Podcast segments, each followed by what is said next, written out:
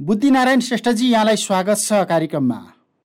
धन्यवाद। सन्दर्भ चाहिँ यो चिनले जुन उसको प्राकृतिक स्रोत मन्त्रालयबाट एउटा स्ट्यान्डर्ड म्याप दुई हजार तेइस भनेर जारी गर्यो हिजोसम्म हामीले अरुणाञ्चल त खाइदियो भारतको चिनले भनेर भन्यौँ तर आज आएर चिरफार गर्दै गर्दाखेरि चाहिँ चिनले त हाम्रो नयाँ लिपुरेक र लिम्पियाधुराको अस्तित्वलाई स्वीकार गरेन भन्ने एउटा नयाँ सन्दर्भ आयो। चिनले निकालेको नयाँ नक्साले एसिया प्रशान्त क्षेत्रमा अथवा सिङ्गो विश्वलाई के सन्देश दिन खोजिराख्या हो?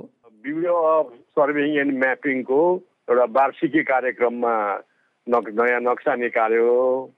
त्यो नयाँ नक्सा निकाल्दाखेरि चाहिँ हाम्रो नेपालको जुन चुच्चे नक्सा हो चुच्चे नक्सालाई समावेश गरेन र त्यति मात्रै होइन अब त्यो नक्सामा भारतको अरुणाचल प्रदेशलाई पनि आफ्नोतिर चिनतर्फ पार्यो यो नब्बे हजार वर्ग मिटरको वर्ग किलोमिटरको भूभाग छ त्यो पनि आफ्नोतिर पार्यो।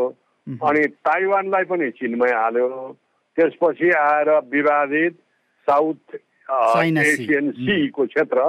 त्यो क्षेत्रलाई पनि आफ्नै अब भूमि आफ्नै देशको भूमिमा पारेर चाहिँ नक्सा बनायो नक्सा प्रकाशित गर्यो। अब जहाँसम्म कुरो छ नेपालको लिपुलेक लिम्पियाधुरा कालापानी क्षेत्र छ। त्यो काला त्यो क्षेत्र पनि नेपालले सन् दुई हजार बिसमा नै को मे सातमा चाहिँ नक्सा चुच्चे नक्सा प्रकाशित गरेको थियो। त्यो अहिले यसमा समावेश गरेन। र मलाई चाहिँ के लाग्छ भने हाम्रो नेपाल को कमजोरी दुईवटा कारणले गर्दाखेरि जस्तो लाग्छ। एउटा हाम्रो नेपालको कुटनीतिक फितलो फितलो कुटनीति भएका कारणले गर्दाखेरि यो नक्सामा अहिले चिनले निकालेको नक्सामा चुच्चे नक्सा समावेश हुन सकेन एउटा कुरा। अर्को कुरो अब चिनले नेपाललाई पनि व्यवस्था गरेको हो कि भन्ने दुईवटा कुरा परेको परेको छ। र हाम्रो फि फितलो कुन्टिटी भनेको चाहिँ अब हामीले सन् दुई हजार बिसमा चुच्चे नक्सा प्रकाशित गर्दाखेरि यो प्रकाशित गरेको नक्सा चाहिँ चिनलाई पनि विधिवत अब परराष्ट्र मन्त्रालय मार्फत अब डिप्लोमेटिक लेभलबाट चाहिँ उसलाई जानकारी गराउनु पर्थ्यो नक्साको। एक प्रति हालेर इङ्ग्लिस भर्सनको नक्सा हालेर चिनलाई जानकारी गराउनु पर्थ्यो। त्यो जानकारी गराइएको छैन मेरो बुझाइमा है मेरो जानकारीमा। त्यस कारणले गर्दाखेरि अब अहिले चिनले नहालेको हुनसक्छ।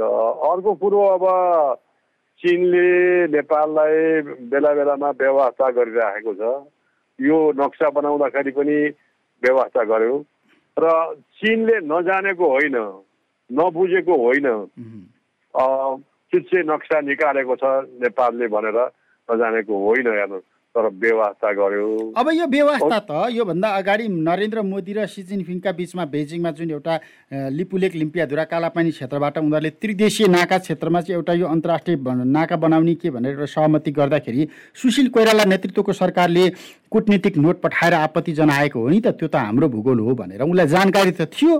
हो हो तपाईँले भन्नुभयो मैले अब चिनले पनि नेपाललाई व्यवस्था गरेको हो कि? अब अब सुशील कोइराला प्रधानमन्त्री हुनुभएको बेलामा दुवै राष्ट्रलाई चाहिँ अब डिप्लोमेटिक नोट पठाएको अनि त्यसपछि चिनको वाणिज्य उपराज्य मन्त्री नेपालको भ्रमण गर्दाखेरि र अनि हाम्रो प्रधानमन्त्री सुशील कोइरालालाई भेट गरिसकेपछि अनि अब अब भेट गरेको कोठाबाट बाहिर प्रधानमन्त्री निवास परिसरमा चाहिँ जाँदा निक्लँदाखेरि नेपाली सञ्चार माध्यमलाई माध्यमले उनलाई सोझे चिनिया उप उप मन्त्रीलाई सोधे। यो बारेमा सोद्धाखेरि चाहिँ के भन्यो भनेदेखि यदि नेपालले पुराना दस्तावेज चाहिँ चिनसँग चाहिँ चिन समक्ष प्रस्तुत गर्छ भने यो सम्झौता संशोधन गर्न नेपाल के अरे चाहिँ संशोधन गर्छ भनेर भन्यो कि अब सन् दुई हजार पन्ध्रको मे पन्ध्रका दिनमा भारतको प्रधानमन्त्री नरेन्द्र मोदी चिन जाँदाखेरि अनि चिन र भारतले हाम्रो लिपुलेक हाम्रो सम्प्रभुता भएको लिपुलेकबाट दुई देशको ती दुई देशको व्यापार वाणिज्य गर्ने भनेर चाहिँ सम्झौता गरे अघि।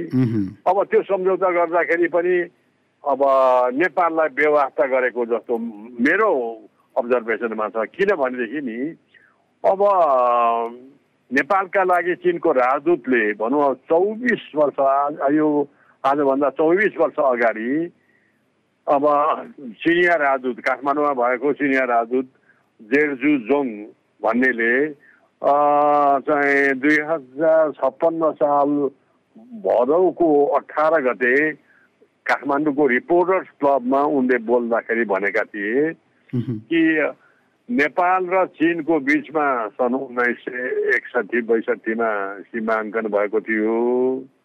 र त्यो सीमाङ्कन गर्दाखेरि कालापानी नेपालकै हो भने भनिएको छ।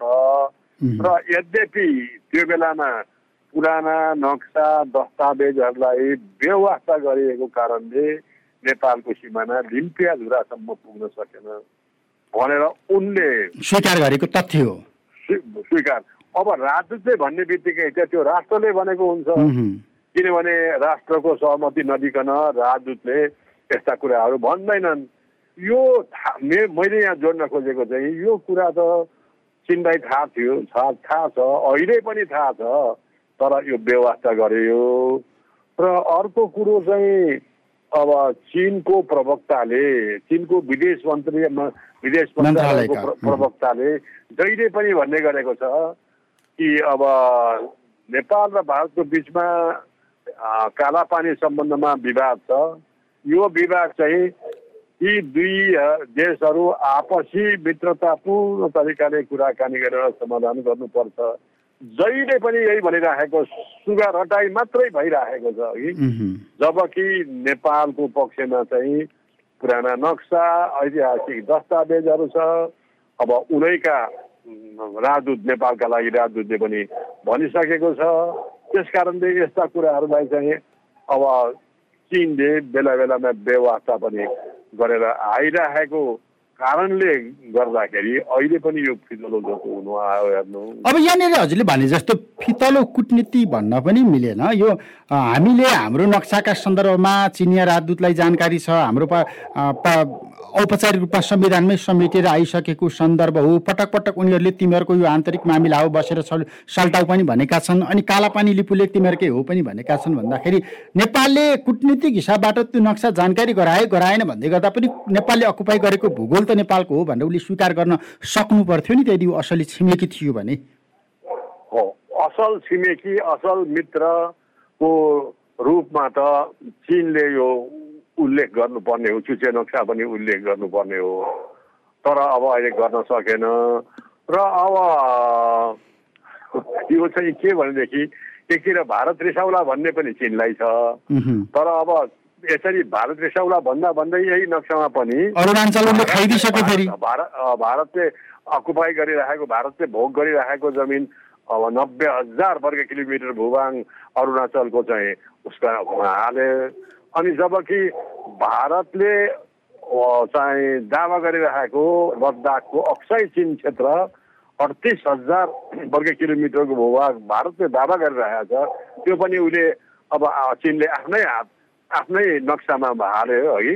त्यस कारणले गर्दाखेरि अब यहाँ मैले के भन्न मन लाग्यो भनेदेखि चाहिँ अवसर पर्यो भने हाम्रा ती दुई देशहरू भारत र चिन दुवैजनालाई फाइदा हुने अवस्था पर्यो भने अब नेपाललाई बिर्सदा रहेछन् भन्ने चाहिँ सन् दुई हजार पन्ध्रको लिपुलेखबाट व्यापार वाणिज्य अभिवृद्धि गर्ने भन्ने सम्झौता गरेकोमा चाहिँ यस्तो देखिन सक्छ देखिन्छ भन्ने मलाई लाग्छ। अब यो हामीले गर्नु गर्नुपर्ने गर्न सक्ने चाहिँ के हुनसक्छ यो नक्साका सन्दर्भमा?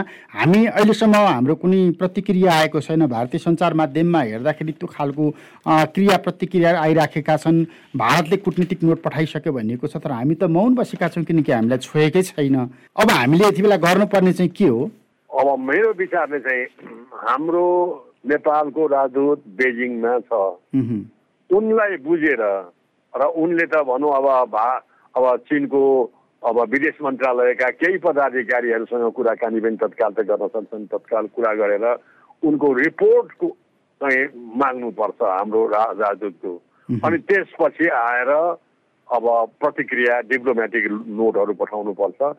अब हाम्रो बेजिङ स्थित राजदूतले जस्तो अब जानकारी गराए तापनि यो त हामीले सन् दुई हजार बिसमा नै चुच्चे नक्सा निकालिसकेको हुनाले गर्दाखेरि अब अर्को संस्करणमा चिनले निकाल्ने यही नक्साको अर्को संस्करणमा चाहिँ कृपया त्यो चुच्चे नक्सा समेतलाई चाहिँ चाहिँ पारेर अब नक्सा प्रकाशित गर्नु होला भनेर हामीले डिप्लोमेटिक नोट अब सुधारको लागि डिप्लोमेटिक नोट चाहिँ तत्काल पठाउनु पर्छ हेर्नुहोस् र यसमा अनि कुटनीति पनि हुनुपर्छ शान्त कुटनीति हुनुपर्छ। जस्तो भनौँ हाम्रो प्रधानमन्त्री चिन भ्रमणमा जाँदै हुनुहुन्छ अघि अब असोजको तिन गतेदेखि जाँदै हुनुहुन्छ। हाम्रो प्रधानमन्त्री संयुक्त राष्ट्रसङ्घको महासभामा भाग लिएर त्यतैबाट चिन जानुहुने खबर आइरहेको छ। माध्यममा आइरहेको छ भने त्यो बेला पनि यी कुराहरू चाहिँ उठाउनु पर्छ हेर्नुहोस् अब। जस्तो भनौँ अब तपाईँले भन्नुभयो कि अब सुशील कोइराला भएको बेलामा डिप्लोमेटिक नोट पठाइएको त्यो डिप्लोमेटिक नोटको कुरालाई पनि उठाउनु पर्ने हुन्छ। अर्को यहाँनिर यो नक्सा निकाल्दै गर्दा चिनको यो जुन ग्लोबल टाइम्सले उनीहरूको मुखपत्र भनौँ विशेष गरी सरकारी मुखपत्र यो चाहिँ विश्वका अरू देशको अथवा मित्र राष्ट्रहरूको ड्रइङ पद्धतिका आधारमा भनेको छ नि हामीले चलाइराखेको ड्रइङको अथवा त्यो नक्साको ड्रइङका आधारमा हामीले निकालेको भन्दै गर्दा उनीहरूकोमा हाम्रो ड्रइङ नपुगेको कि? हाम्रो ड्रइङलाई उनीहरूले व्यवस्था गरेको यहाँनिर। अथवा यो ड्रइङ पद्धतिले के अर्थ लाउँछ यो विशेष गरी नक्सा जारी गर्ने सन्दर्भमा? ड्रोन पद्धति भन्नुभयो हजुर। अब यो नक्सा बनाउने प्रविधि मध्येमा पहिला भनौँ अब चार दशक अगाडिसम्म हवाई जहाजले हवाई फोटोग्राफ लिएर त्यसका आधारमा नक्सा बनाउने प्रविधि थियो हेर्नुहोस् अब। तर अहिले अब अब प्रविधि विकसित हुँदै गर्दाखेरि अनि सेटेलाइट इमेजका सहायताले तयार पारिएको नक्साको आधारमा अब कुनै पनि देशले नक्सा बनाउने प्रचलन आएको थियो। अब त्योभन्दा पनि प्रशुद्ध त्यो भन्दा पनि लार्ज स्केलको नक्सा बनाउनुको निमित्तै चाहिँ ड्रोन भन्ने यन्त्रले फोटो खिचेर अनि त्यसका आधारमा नक्सा बनाउने पद्धति अहिले आएको छ। किनभनेदेखि अब जुन हवाई फोटोग्राफ जति ठुलो स्केलमा भयो त्यत्तिकै शुद्ध नक्सा बन्ने भएको हुनाले ड्रोन पद्धतिले चाहिँ नक्सा बनाइएको चाहिँ परिशुद्ध हुन्छ।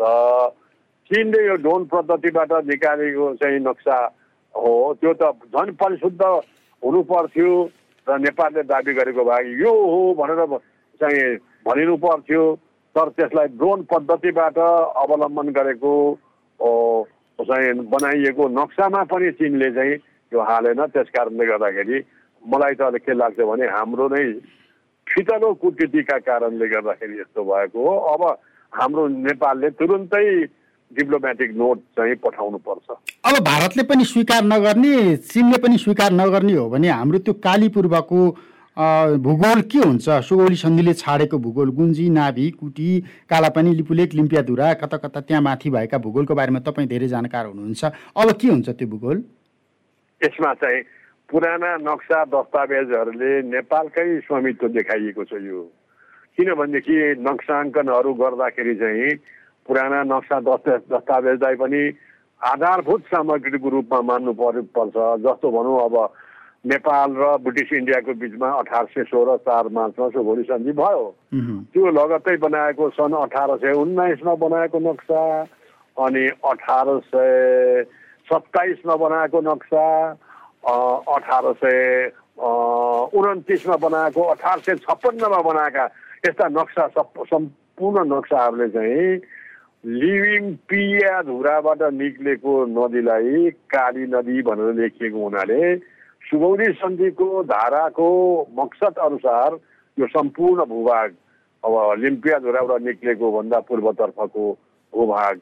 गुन्जी कुती नापी नाडी कालापानी नाबिडाङ लिपुलेक नेपालकै ठहर छ। त्यस कारणले गर्दाखेरि अब भारत र चिनले अब भारतले त मान्यता दिएको छैन। नदिए तापनि पुराना नक्सा दस्तावेजहरू त जिउँदैछन् नि। त्यो कारणले गर्दाखेरि अब नेपाल यसमा अलिक रहिरहनु पर्छ र मलाई अहिले छ्याक्कै ठ्याक्कै अफहान के भन्नु मन लाग्यो भनेदेखि चाहिँ अब पूर्व प्रधानमन्त्री यो नक्सा त चुचे चुचे नक्सा त प्रधानमन्त्री केपी शर्मा ओली प्रधानमन्त्री भएको बेलामा प्रकाशित गरिएको हो।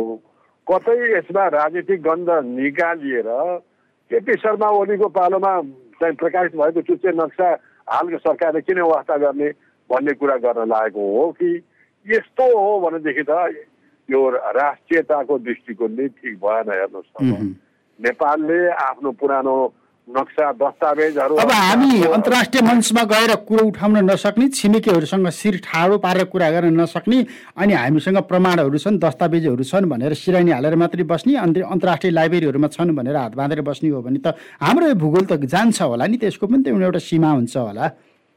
हो तपाईँले ठिक भन्नुभयो हेर्नुहोस् अब यसरी अन्तर्राष्ट्रिय मञ्चमा चाहिँ केही नबोल्ने हो भनेदेखि त हाम्रो नेपालको सिमाना एक लाख सत्तालिस हजार एक सय एकासी प्लस वर्ग किलोमिटर भूभाग सङ्कुचनमा पर्न सक्छ नि त। त्यस कारणले गर्दाखेरि अब हाम्रो सरकारले बोल्नुपर्ने हो तर हाम्रो सरकार पनि अब हाम्रो प्रधानमन्त्री पनि लाचार हुनुहुन्छ जस्तो लाग्छ मलाई। किनभनेदेखि उहाँहरू आफ्नै प्रधानमन्त्रीको सत्ता टिकाउनको निमित्त दत्तचित्त हुनुहुन्छ। अब कसैले पनि भनौँ सरकार बनाउँदाखेरि पाँच वर्षसम्म पुरा चाहिँ एउटै सरकार हाम्रोमा चलेको छैन हेर्नुहोस् अब। अहिलेभन्दा पहिले केही केही भन्दा अगाडिको भागमा त नौ महिना डेढ वर्षमा सरकार बदलिरहने। सरकार बदलिरहने र सरकार आफू स्थिर नभएका कारणले गर्दाखेरि नबोलिएको पनि होला। तर मलाई चाहिँ के भन्न मन लाग्यो भने जति रहन्छ नेपालको राष्ट्रियता सार्वभौमिकता जोगाउनुको निमित्त त जहिले पनि अडिग रहेर चाहिँ बोल्नुपर्ने हो नि। उहाँले बोल्नु यो कालापानी लिपुले घिम्पिया धुराको बारेमा बोल्नुहुन्न। तर नौ दस महिना डेढ वर्षपछि त उहाँको त प्रधानमन्त्रीको पद त गइ गइहाल्छ। अनि फेरि राजनीतिमा चाहिँ यही राष्ट्रियता भन्ने बित्तो रहेछ फेरि राजनीतिमा चाहिँ। हो अब मुख्य कुरो मैले पनि भन्न खोजेको हाम्रो नेपालमा राजनीति सङ्लो नभएका कारण धमिलो राजनीति भएका कारणले गर्दाखेरि यस्तो भएको र अब जतिसुकै हाम्रा अब सरकारमा जाने पदाधिकारीहरू जति महिना जति वर्ष काम गर्न परे तापनि नेपालको सार्वभौमिकता भौगोलिक अखण्डतालाई त अक्षुण्ण राख्ने काम गर्नुपर्ने हो नि। त्यसो गर्न नसक्नु नै नेपालको कमजोरी रहेको छ। अब यो कमजोरी यस यो उदाहरणले गर्दाखेरि हामीले अब हाम्रो चाहिँ कुटनीतिलाई बलियो बनाउनु पर्यो जस्तो अब भारतले पनि अब तिन महिना जति अगाडि भारतको नयाँ पार्लियामेन्ट बिल्डिङको उद्घाटन गर्दाखेरि पार्लियामेन्ट बिल्डिङको भित्तामा चाहिँ अखण्ड भारतको नक्सा अङ्कित गरेको थियो।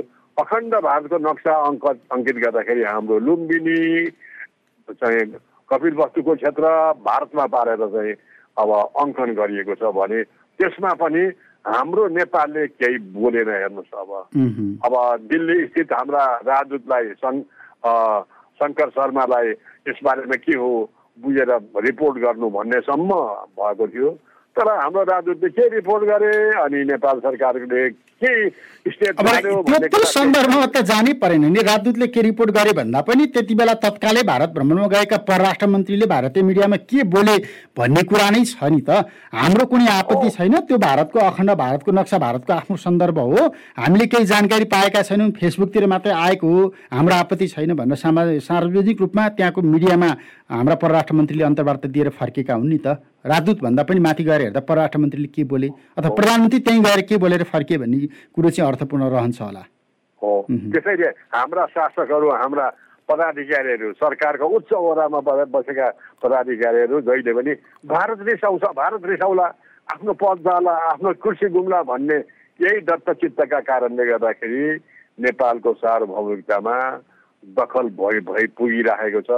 हामी तपाईँ एउटा सर्वसाधारण नागरिकका हैसियतले जुन तरिकाले चाहिँ शिर ठाडो पारेर हामीले पनि कुरा गर्न सक्नुपर्ने हो। हाम्रो सरकारले गर्न सकिरहेको छैन। यही नै कमजोरी जस्तो लाग्छ मलाई। अब अहिले यो भारत चिनको यो जुन नयाँ नक्सा आइसकेपछि अरुणाञ्चल अथवा अक्साई चिन क्षेत्रको जमिन अकुपाई गर्ने ढङ्गबाट आएको नक्साले नेपालको चुच्चे नक्साको अस्तित्व नस्वीकार गरिसके पछाडि एउटा आशङ्का र प्रश्न चाहिँ उब्जियो है। चिनले योभन्दा अगाडि पनि नेपालका विभिन्न भागमा जमिन मिचेको थियो भनेर एउटा बहस भइराखेको थियो विवाद भइराखेको थियो होइन भनेर प्रतिवाद पनि गरियो अध्ययन पनि गर्नको लागि समिति पनि बनाइयो विवाद भएकै हो। अब अहिले त्यही खालको चिनिया आरोप चिनाप्रति लगाइराखेको आरोपको सन्दर्भ अर्को पनि आएको छ जस्तो सिन्धुपाल्चोकको तातो पानी क्षेत्रको बोर्डर क्षेत्रमा चाहिँ चिनले पारिब तर्फबाट सीमा नदी फर्काएर अहिले त्यहाँ जमिन मिचिराखेको छ भन्ने पनि आइराखेको छ भन्दा। अब काला पानी होइन यहाँ तातो पानी पनि मिच्यो हुम्ला पनि मिच्यो चिनले त सबैतिर मिच्या रहेछ यो त सत्य रहेछ भन्ने खालको एउटा जुन आरोप त लाग्ने भयो नि त उसलाई। सङ्गीन आरोप। हो अब तपाईँले अब नेपाल र चिनको सीमा अङ्कन सम्बन्धी कुरा गर्नुभयो होइन? अब तातो पानीको कुरा गर्नुभयो तातो पानीमा म पनि भिजिट गरेको छु गर्दाखेरि चाहिँ जुन एउटा खोलो छ भोटेपछि छ त्यसको नजिकै खोलोको किनार नजिकै नै उनीहरूले पिलर हालेर पक्का पिलर हालेर सानो भवन जस्तो बनाउ बना बनाउन लागिरहेको थियो। म चार वर्ष जति अगाडि त्यहाँ जाँदाखेरि चाहिँ अहिले त्यहाँनिर चाहिँ उनीहरूले ट्र्याक खोलिसकेका छन्। त्यहाँनिर सडकको ट्र्याक छ। हो अब मेरो भनाइ चाहिँ अब कमसे कम सिमानाबाट भनौँ दस गजा क्षेत्र अथवा दस मिटर छोडेर बनाउनु पर्ने हो छोडेर नबनाइकन भिरालो भागमा पनि यसरी बनाइराखेका छन् अघि। र अनि अर्को कुरो हाम्रो दोलखा जिल्लाको लामा बगरभन्दा उत्तर लाप्ची गाउँ। लाप्ची गाउँको उत्तर कोर्लाङ पारीको टिप्पा भन्ने ठाउँमा अब बोर्डर पिलर नम्बर सन्ताउन्न अङ्कन हुनुपर्नेमा अब दुर्भाग्यवश त्यसभन्दा नेपालतर्फको भागमा अब चट्टानमा भिरालो ठुलो चट्टानमा खोपेर बोर्डर मार्कर फिफ्टी सेभेन भनेर लेखिएको रहेछ। यो कारणले गर्दाखेरि नेपालको छ हेक्टर जमिन भनेको लगभग नौ बिघा जमिन जमिन चाहिँ विवादमा अहिले परेको छ। त्यस कारणले त्यो बोर्डर पिलर सीमा खम्बा नै बनिनु पर्ने हो कोर्लाङ पारेको टिप्पामा तर त्यसभन्दा नेपालतर्फ आएर भिरालो भागमा अङ्कन चट्टानमा अङ्कन गरिएकोले यो पनि अब पुरा गरिनुपर्छ भनेर बेला बेलामा चर्चा आउँछ तर त्यत्तिकै सेलाएर गइरहेको छ। त्यस कारणले गर्दाखेरि अब हाम्रो सरकारले अब सशक्त रूपले अगाडि यस सीमा सम्बन्धमा नेपाल अहिलेको नक्साकै कुराको सम्बन्धमा पनि अगाडि बढाउनु पर्छ र भनौँ अब तत्कालीन प्रधानमन्त्री सुशील कोइरालाको तपाईँले कुरा गर्नुभयो त्यो बेलाको डिप्लोमेटिक नोट पठाएकोलाई उद्धित गरेर फेरि चाहिँ अब नेपाल सरकारले चाहिँ चिन सरकारसँग चाहिँ अब संशोधनका लागि हामीले पहल गर्नु पर्यो। पत्राचार गर्नु पत्राचारै गर्नुपर्छ। मौखिक भनेर मात्रै हुँदैन पत्राचारै गरिनुपर्छ। र यस सम्बन्धमा अब हाम्रो प्रधानमन्त्री अब चिनमा जानु हुँदाखेरि चाहिँ अब मिले सके आँट गरे डाइरेक्ट वार्ता दुईवटा प्रतिनिधि मण्डलको बिचमा यो एजेन्डामा राखिनुपर्छ। होइन एजेन्डामा राख्ने हिम्मत छैन भनेदेखि चाहिँ कमसेकम साइड लाइनमा कुरा गर्दाखेरि चिनको राष्ट्रपति जिनपिङसँग कुराकानी गर्दाखेरि साइड लाइनमा यो कुरा उठाउनु पर्यो। तरिकाले पनि राख्नुपर्छ। जब अनौपचारिक तरिकाले राखियो भने चिन चाहिँ धेरै यस्तो कुरामा संवेदनशील छ। अनि त्यसलाई अनौपचारिक कुरालाई औपचारिकतामा बिस्तारो ढाल्छन् होइन? त्यस कारणले गर्दाखेरि अब हाम्रो प्रधानमन्त्रीले चाहे दुईवटा प्रमुखको हिँड्दा हिँड्दै कुनै करिडोरमा हिँड्दा हिँड्दै होस् अथवा चिया खाँदा गर्दा गर्दै पनि यो कुरो भन्नुपर्छ र अब उनले चाहिँ नेपाली जनताले एउटा सन्देश सुनाइदिनु भनेर मलाई भनेका छन्। तपाईँलाई म सुनाऊ भनेर चिनको राष्ट्रपतिलाई भन्न सक्नुपर्छ। त्यति भनिसकेपछि अब चिनको राष्ट्रपतिले हुँदैन म सुन्दिनँ त भन्दैनन्। त्यस कारणले गर्दाखेरि यो कुरा चाहिँ अब नेपालको तिन करोड जनताले यो यो सन्देश पठाएका छन्। कि अब कोर्लाङ पार्टीको टिप्पाको कुरा त्यसपछि आएर तातो पानी नाकाको कुराहरू भए। अब अब चिनले तातो पानी र के अरे अब के अरे हाम्रो रसुवा गरेको नाकाहरूमा बेला बेलामा खोल्ने बेला बेलामा बन्द गर्ने स्वविवेकीय पद्धतिले बन्द गर्ने पनि गरे गर्छन् है यी कुरालाई पनि अब लाइनमा भए पनि उका अब कुरा उठाउनु पर्छ। र यो नउठाएकै कारणले गर्दाखेरि अहिले पनि हामी थिचोमिचो नक्साका प्रकरणमा पनि थिचोमिचो भारतले पनि थिचोमिचो गर्ने नक्सा प्रकरणमा चिनले पनि थिचोमिचो गर्ने नक्सा प्रकरणमा। र त्यसै कारणले गर्दाखेरि सशक्त तरिकाले डिप्लोमेसी अगाडि बढाउनुपर्छ भन्ने मलाई लागेको छ। हुन्छ समय र संवादका लागि धन्यवाद। हस् धन्यवाद। तपाईँलाई पनि।